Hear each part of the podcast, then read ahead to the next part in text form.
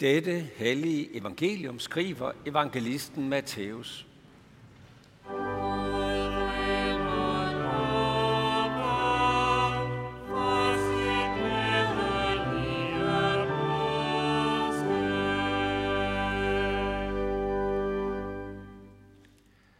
Jesus sagde, der skal himmeriget ligne ti brudepiger, som tog deres lamper og gik ud for at møde brudgommen.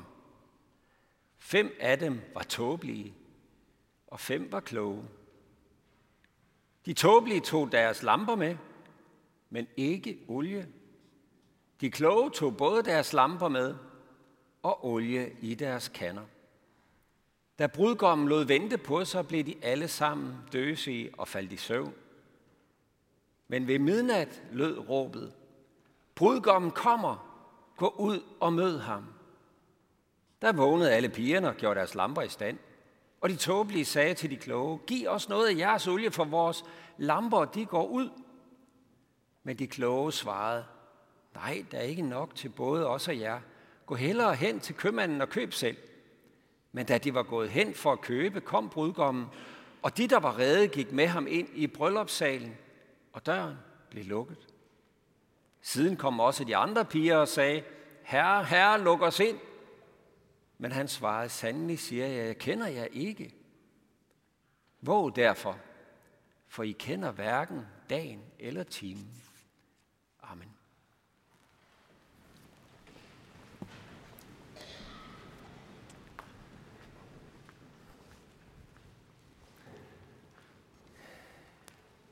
I torsdags var jeg med øh, et af mine konfirmandhold, et meget lille konfirmandhold, jeg har, ude i Storcenteret. Og deres opgave, det var, at de skulle finde julen. det lyder umiddelbart som en let opgave, kan man sige. Ude i Storcenteret, der er pyntet op med efter alle kunstens regler. De skulle rundt og finde nogle helt bestemte ting, jeg havde fundet på forhånd. En julestjerne, rensdyr, julesne, julegave, julesokker osv skulle de tage et billede med den mobiltelefon, de alligevel altid har med, og så skulle de vende tilbage til mig, og så når de havde vist mig billedet, de havde fundet den ting, de skulle lede efter, så øh, fik de et point for det. Og hvis de så kunne svare på et spørgsmål fra juleevangeliet, så fik de tre point oven i det. Og de point, de så samlede sammen, kunne bruges hos bageren bagefter til noget spiseligt. Spørgsmålet var så til sidst, fandt vi julen. Opgaven var sådan set at finde julen. Fandt vi den så? Vi var ret enige om, at vi egentlig ikke fandt julen ude i Storcenteret. Altså, der var fuldt tryk på alt, hvad der overhovedet kan lugte af jul, men der var intet tydeligt spor af den kristne jul. Jeg ledte faktisk ihærdigt, mens jeg forberedte den her lille øvelse, øh, og det lykkedes mig ikke at finde noget, der ledte tanken hen på den kristne jul. Ikke engang så meget som en skaldet engel fandt jeg. Og heller ikke en engel med hår, faktisk. Jo, der var selvfølgelig julestjernen. Det var det tætteste, vi kom på noget. Der kunne lede tanken hen på julens hovedperson. Og nej, det er ikke julemanden, jeg tænker på. Det er Jesus, jeg tænker på. Og det kunne jo godt lede tanken hen på det spørgsmål, som vi har foran os i dag. Om vi nu er klar til at tage imod julens hovedperson. Om vi er klar til at finde ham. Adventstid, det er jo forberedelsestid. Vi forbereder os, og vi glæder os, og vi ser frem til julen. Vi har travlt med at blive klar. Men har vi glemt julens hovedperson lige midt i det hele? Er vi klar til at tage imod barn Jesus? Bliver det evangeliet, der flytter ind hos os denne jul? Eller bliver det den her svigefulde forbrugsgud, der flytter ind?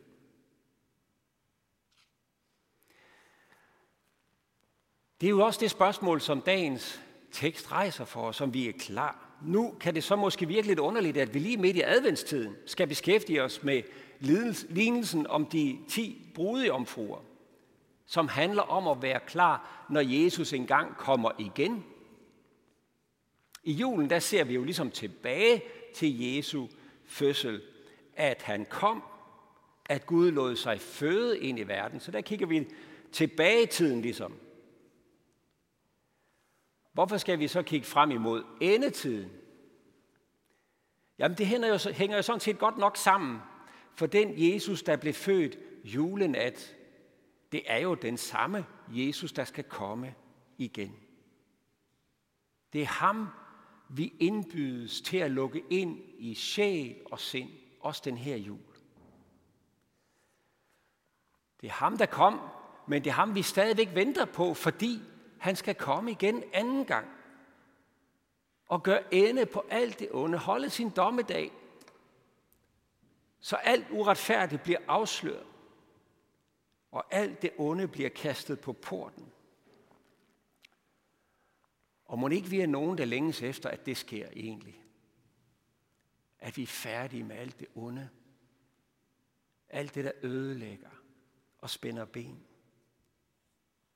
Vi længes efter Guds rige. Nogle gange forsøger vi at skabe det her.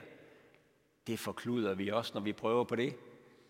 Men vi længes efter en tid, hvor der ikke mere er mørke, sorg, tab, ondskab. Her i lignelsen er det så en historie, Jesus fortæller om den tid. Og det er brudjomfruerne, der venter på brylluppet. Traditionen den gik ud på, at brudepigerne her, det vil sige brudens veninder, hendes ugifte veninder, de skulle vente i virkeligheden uden for brudens forældres hus. Fordi brudgommen, han skulle nemlig før festen, der ved aftenstid, så skulle han gå hen til brudens hus, og så skulle han forhandle alle detaljer på plads med svigermekanikken, om han nu kunne få lov at tage bruden med hjem. Der var en masse formaliteter, der skulle overstås. Og udenfor skulle de her brudepiger så vente klar med deres olielamper, så de kunne føre det nygifte par hjem til brudgommens hus, hvor festen skulle stå. Og det der med, at de, øh, at de så havde deres lamper med og tændte lys for dem hele vejen, det var faktisk deres adgangsbillet til at få lov til at være med til festen. Brudepigerne, de skulle vente indtil svigermekanikken der, de gav slip på bruden og lod gommen føre hende hjem. Og det kunne tage tid, det kunne trække ud med alle de der forhandlinger og formaliteter. Og man kunne jo blive træt derude, olien kunne slippe op, man kunne falde i søvn. Og så er der altså nogen, der var klar, og nogen, der ikke var klar. Se, det er jo en alvorlig lignelse, om vi er klar, eller om vi ikke er klar. Men læg mærke til, at Jesus har brugt et bryllup som rammefortælling. For det er grundlæggende noget glædeligt, vi venter på, som jeg også sagde lige før. Det vi venter på, det er noget helt vidunderligt og glædeligt, når Jesus kommer igen.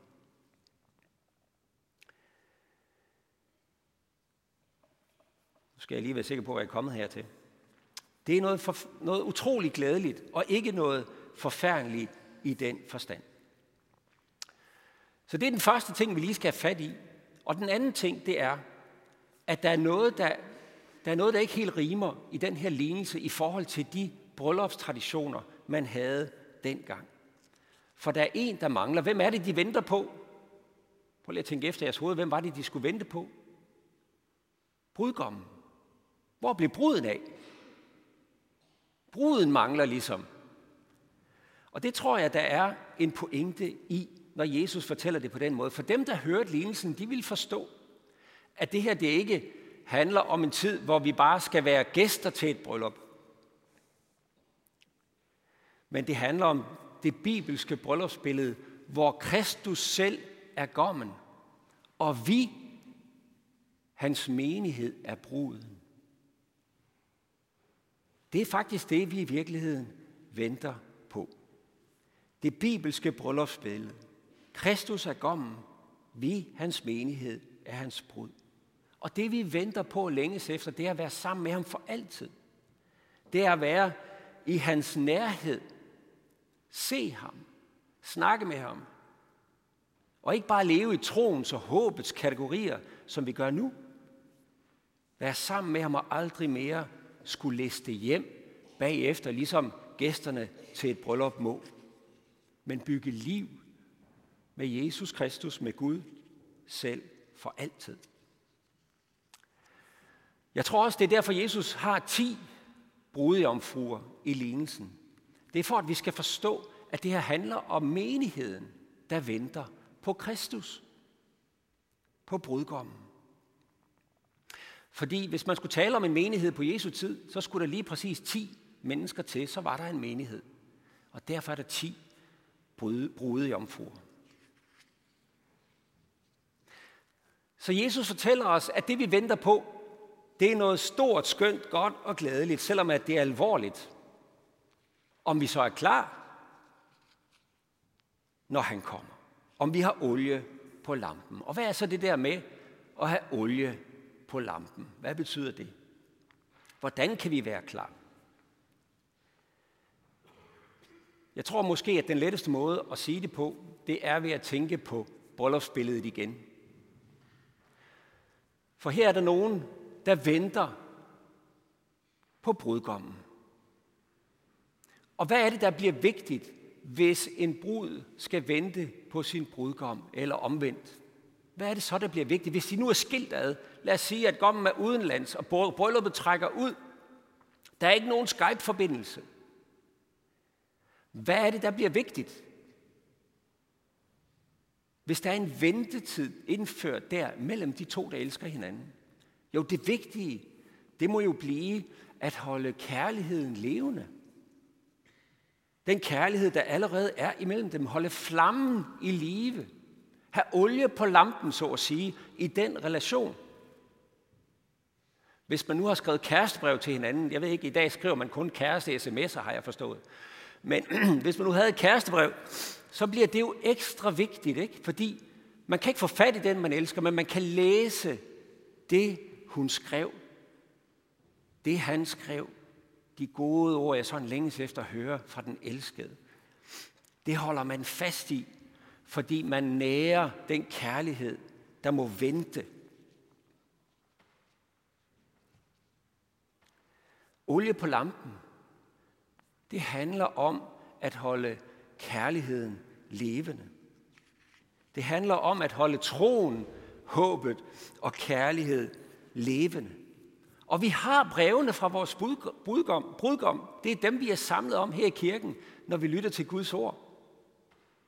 Alt det gode, han siger til os. Det brev, det kærlighedsbrev, det har vi. Det kan vi holde fast i. I sin afskedstale til disciplerne, der sagde Jesus, den, der elsker mig, vil holde fast i mit ord. Lige præcis. Det er den måde, at flammen holdes i live på. Og så er der alligevel et lag mere i det med olie på lampen. For i Bibelen er olie og lys et billede på Helligånden. Guds ånd. Så ja, det betyder faktisk, at vi venter på at se Jesus, som han er. Vi venter på, at han kommer igen. Men det er ikke en gudsforladt ventetid. Det er ikke sådan, at han ikke er hos os allerede nu. Han er her nemlig ved sin helligånd. Vi venter på, at ham vi kender og elsker, han langt om længe skal komme tydeligt og synligt og tage os hjem til sig. Men allerede nu, ved sin ånd, er han lys levende til stede hos os og nærværende, som vi skal høre fra aldret med al sin kærligheds rigdom. Og som Paulus skrev, med himlen, hele himlens åndelige velsignelse er han til stede. Det er ikke bare noget, vi venter på. Jesus kommer nu og her ved sit ord og sin helligånd for at være helt tæt på os, som han elsker.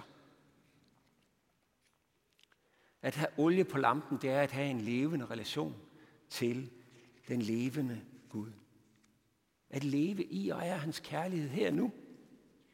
Og der er der to ting, jeg skal trække frem her til sidst.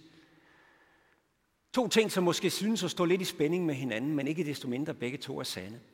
Det første det er, at lignelsen her understreger meget tydeligt, at selvom du nu skulle være en del af menighedens flok af de ti brudjomfruer, der venter,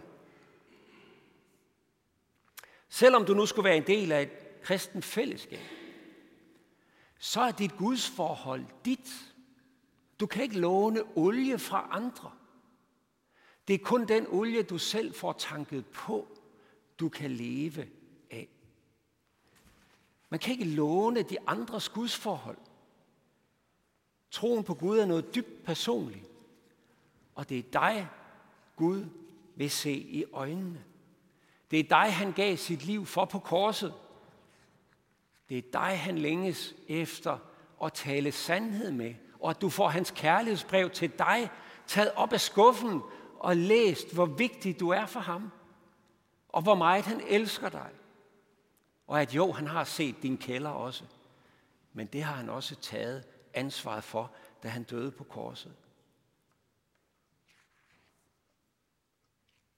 Det er dig, han vil fylde med sit nærvær nu og her. Det er dig, han vil kende og kendes af. Og det er dig, han vil hellige og bygge et liv sammen med allerede nu. Og så er det andet. For det er jo alligevel sådan, at Jesus ikke valgte en lignelse om to brudejomfruer. Den ene, der var klog nok til at have olie på lampen, og den anden, der ikke havde olie på lampen.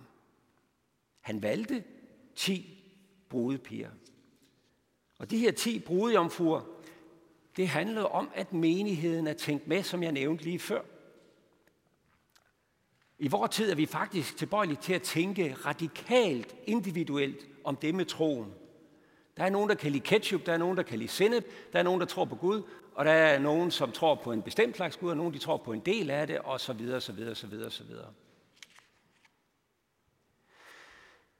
Men Jesus, han tænker et vi med i troen.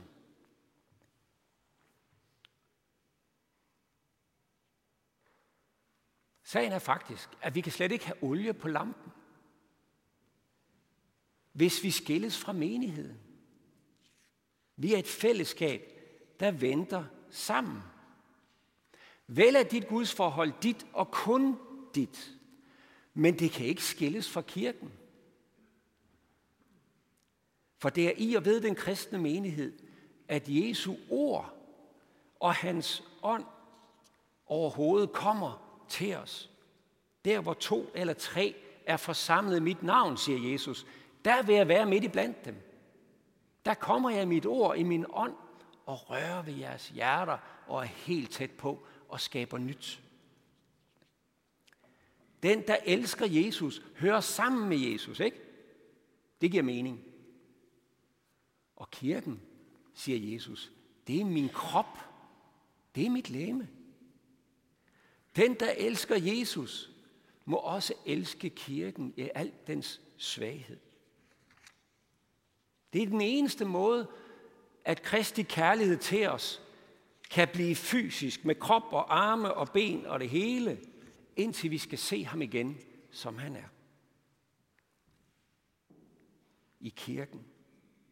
Man kan ikke elske Jesus og hade kirken. Man kan ikke vælge Jesus til og vælge kirken fra. Man kan ikke kende Jesus og så slet ikke kende det trosfællesskab, der formidler Jesus Kristus i ord og sakramente. Man kan ikke kende Jesus i ånd, hvis ikke man vil kende ham i læme osv. I sin afskedstale, der siger Jesus sådan her, som faderen har elsket mig, har jeg også elsket jer. Bliv i min kærlighed. Og så fortsætter han med en kærlighed, der rummer menigheden. Det er mit bud, at I skal elske hinanden, ligesom jeg har elsket jer. Det er ikke mig, eller det er ikke jer, der har udvalgt mig, men mig, der har udvalgt jer og sat jer til at gå ud og bære frugt som Kristi læme. Så hvis du gerne vil have olie på lampen, så handler det ikke om personlige, individuelle, spirituelle oplevelser. Det handler om at dele liv og kår med hans menighed, om at tage imod Guds kærlighed ved Jesu Kristi læme og selv blive et lem på det læme, der er med til at tjene næsten.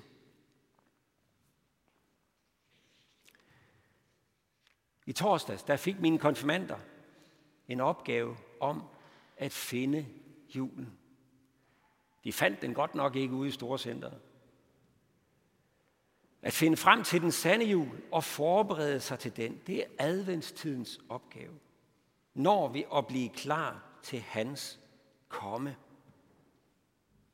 Men ved I hvad? Det bedste ved adventstiden, det er at finde ud af, at han kommer til os. At han har fundet os og udvalgt os. Og at han i sin store kærlighed venter på dig. Lov og tak og evig ære være dig, vor Gud, Fader, Søn og Helligånd, du som var, er og bliver en sand treenig Gud, højlovet fra første begyndelse, nu og i al evighed. Amen. Så må jeg gerne rejse jer. Vi skal tilønske hinanden netop det, vi har talt om. Hvor Herres Jesu Kristi nåde, Guds, vor Fars kærlighed og Helligåndens fællesskab være med os alle. Amen.